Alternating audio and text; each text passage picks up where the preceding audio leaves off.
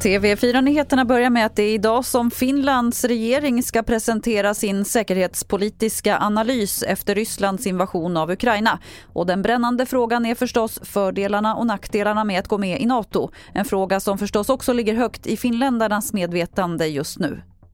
You know, we have to take it, you know, a bit slower and reevaluate what are the promises of joining NATO, like what kind of things Finland is supposed to do when it joins, the responsibilities that it has to carry out, versus uh, the benefits that it's supposed to get. I will be in favor for that if they decide that we should do it. But it's a difficult, it's a difficult uh, decision. I mean, it's it's so much something that we never thought we're gonna do. Så till Ukraina. Det kommer uppgifter om att 21 000 människor har hittats döda i staden Mariupol. Det säger stans borgmästare. Han anklagar också Ryssland för folkmord och det gör även USAs president Joe Biden. I ett tal igår sa Biden att den ryska invasionen är ett folkmord och att bevisen blivit allt tydligare den senaste veckan.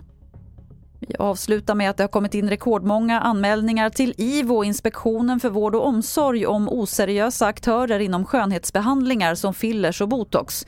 I somras infördes en lag som ställer högre krav på utförarna. Sedan dess har tipsen strömmat in till IVO och 18 personer har anmälts för att utföra behandlingar utan rätt kompetens.